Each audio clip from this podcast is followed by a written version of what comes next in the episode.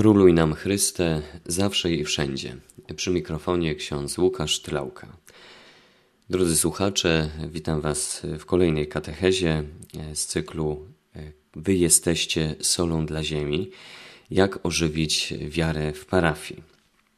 Przypomnę, że na poprzedniej katechezie odkrywaliśmy piękno fragmentu Ewangelii według świętego Mateusza, rozdziału 5, wersety od 13 do 16, gdzie Pan Bóg mówi do swoich uczniów, że oni są solą dla ziemi, są także światłem świata, są miastem położonym na górze. My również jesteśmy uczniami Jezusa i pragniemy w tych katechezach być solą dla ziemi, światłem świata i miastem położonym na górze. Pragniemy to odkrywać w naszych wspólnotach parafialnych. W dniu dzisiejszym chciałbym poświęcić tę katechezę nowej ewangelizacji. Czym w ogóle jest ewangelizacja? Papież Paweł VI jest autorem dokumentu o ewangelizacji w świecie współczesnym. I w tym dokumencie papież na podstawie Pisma Świętego odkrywa, w jaki sposób Jezus ewangelizuje. I nasz mistrz dokonuje tego w następujący sposób. Po pierwsze, ewangelizuje poprzez swoje wcielenie, czyli Jezus, który jest Bogiem, staje się człowiekiem, uniża się. E, to uniżenie Boga, który staje się człowiekiem, e, pokazuje nam, że On chce być blisko każdego człowieka, każdego z nas. Jego wcielenie ukazuje nam Jego uniżenie, Jego pragnienie wielkiej bliskości z człowiekiem. Pan Jezus ewangelizuje także poprzez dokonywane cuda i nauczanie. To jest Jezus, który uzdrawia. Jezus, do którego przychodzą ludzie chorzy. To jest ten, który naucza, który daje słowo, słowo, które podnosi, słowo, które zbliża do Boga. Następnie Jezus gromadzi uczniów. To jest ten, który wokół siebie mm, jest otoczony tłumem ludzi. To jest ten, do którego przychodzą z różnych stron, żeby go słuchać. I z tego tłumu wybiera on uczniów, między innymi 72, których y, posyła do miast i miejscowości, y, wsi, gdzie sam zamierza pójść. To jest ten, który y, z tego zgromadzenia wybiera po nocnej modlitwie e, dwunastu apostołów, tych, którzy są najbliżej mistrza. E, następnie Jezus e, posyła apostołów, aby szli na krańce świata i głosili światu Ewangelię. To jest ten, który posyła, żeby szli, żeby nie byli przygotowani, nie mieli ze sobą torby, nie mieli ze sobą laski, żeby idąc nieprzygotowani głosili Ewangelię i żeby uzdrawiali. Jezus posyła także nieprzygotowanych, aby e, głosić Ewangelię. To jest ten, który chce, żeby, żeby wychodzić na zewnątrz. Następnie Jezus ewangelizuje poprzez swoje ukrzyżowanie i zmartwychwstanie. Y, on jest tym, który przekracza to, co jest nieprzekra- wydawać by się mogło nieprzekraczalne. To jest ten, który pokonuje śmierć. To jest ten, który doświadcza śmierci, który ją pokonuje i który trzeciego dnia zmartwychwstaje. To jest coś niezwykłego, to co się wymyka najbliższym uczniom, apostołom, tym, którzy widzą zmartwychwstałego, ta prawda, że Jezus pokonał śmierć. I w końcu Jezus ewangelizuje poprzez swoją nieustanną obecność we wspólnocie chrześcijańskiej. Ja jestem z wami aż do skończenia świata. To jest ten, który posyła parakleta, ducha prawdy, który umacnia e, apostołów, wszystkich zgromadzonych w wieczorniku, żeby wyszli z tego wieczornika i głosili e, prawdę o Jezusie Chrystusie. Czyli Jezus ewangelizuje poprzez swoje wcielenie, cuda i nauczanie, zgromadzenie uczniów, posłanie apostołów, jego ukrzyżowanie i zmartwychwstanie oraz jego nieustanną obecność we wspólnocie chrześcijańskiej. Czym właściwie jest ewangelizacja? Ten termin z greckiego ewangelizo oznacza przekazywać dobrą nowinę. Pan Jezus używał języka aramejskiego i w tym języku występuje słowo sabar, które zostało przetłumaczone na greckie ewangelico, czyli przekazywać dobrą nowinę. I prawdopodobnie Jezus używał właśnie tego aramejskiego słowa sabar. Natomiast święty Jan używa greckiego słowa marturein, czyli dawać świadectwo, oraz greckie keruksate, czyli głosić. Na podstawie tych e, kilku słów greckich oraz aramejskiego słowa sabar odkrywamy, że ewangelizacja to przekazywanie dobrej nowiny, to jest dawanie świadectwa oraz głoszenie. W książce Przewodnik parafialny po nowej ewangelizacji, plan działania w dzieleniu się wiarą, tak autor określa, jak Kościół katolicki mówi o ewangelizacji. Kościół katolicki naucza, że ewangelizacja jest sercem i duszą chrześcijańskiego życia i posługi. Dochodzi do niej za każdym razem, gdy chrześcijanin dzieli się bezpośrednio lub nie dobrą nowiną Jezusa. Możemy więc określić, przedstawić taki zarys ewangelizacji. Ewangelizacja stanowi proces sprzyjający nawróceniu wewnątrz wspólnoty chrześcijańskiej, którego celem jest coraz głębsza inicjacja ludzi w tajemnicę miłości Boga, objawioną najpełniej w śmierci i zmartwychwstaniu Jezusa.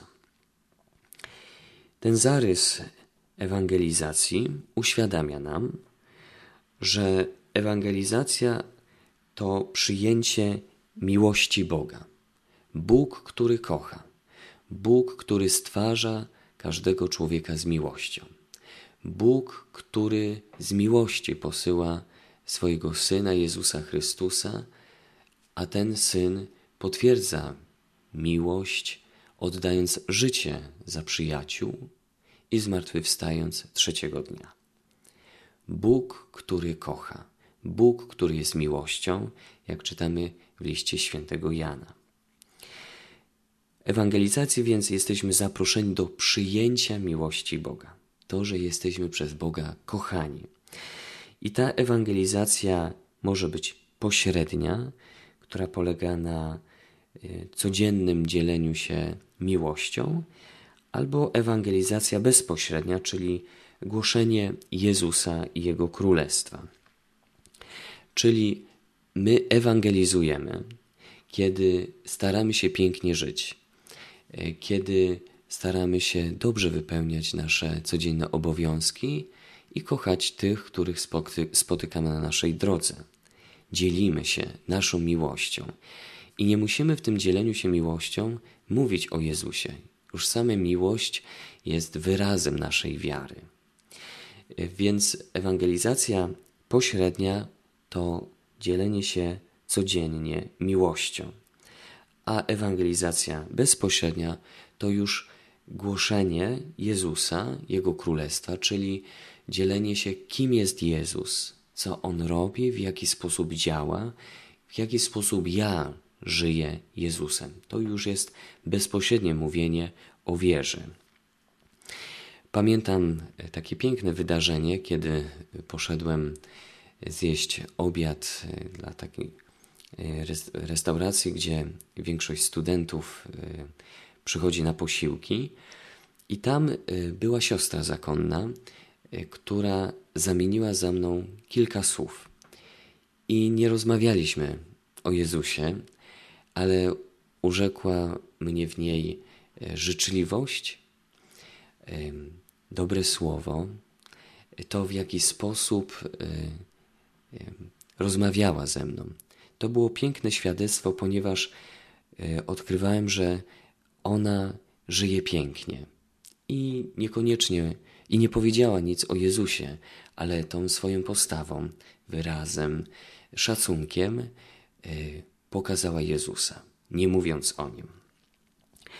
Ewangelizacja, oprócz tego, że zaprasza do przyjęcia miłości Boga, jest, y, jest też doświadczeniem nawrócenia, y, przemiany życia. Jeżeli ktoś doświadcza miłości Boga, to chce się nawrócić. On chce zmienić swoje życie. Y, chce być bliżej Boga. I to nawrócenie jest nawróceniem indywidualnym, czyli ja się nawracam, ale również jest e, procesem nawrócenia całej wspólnoty. To nawrócenie dzieje się e, wobec wszystkich, dotyczy wszystkich, czyli nawrócenie indywidualne i wspólnotowe. Ten, kto przyjmie miłość Boga, pragnie zmieniać swoje życie, przemieniać je, nawracać się. Ewangelizacja powoduje także głębszą inicjację w tajemnicę Boga.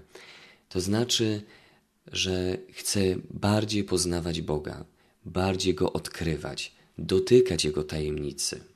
Tajemnica, która czasami jest niezrozumiana, e, ale to jest tajemnica, którą, której się pragnie. To jest jak e, spuszczanie wiadra coraz głębiej w studnie.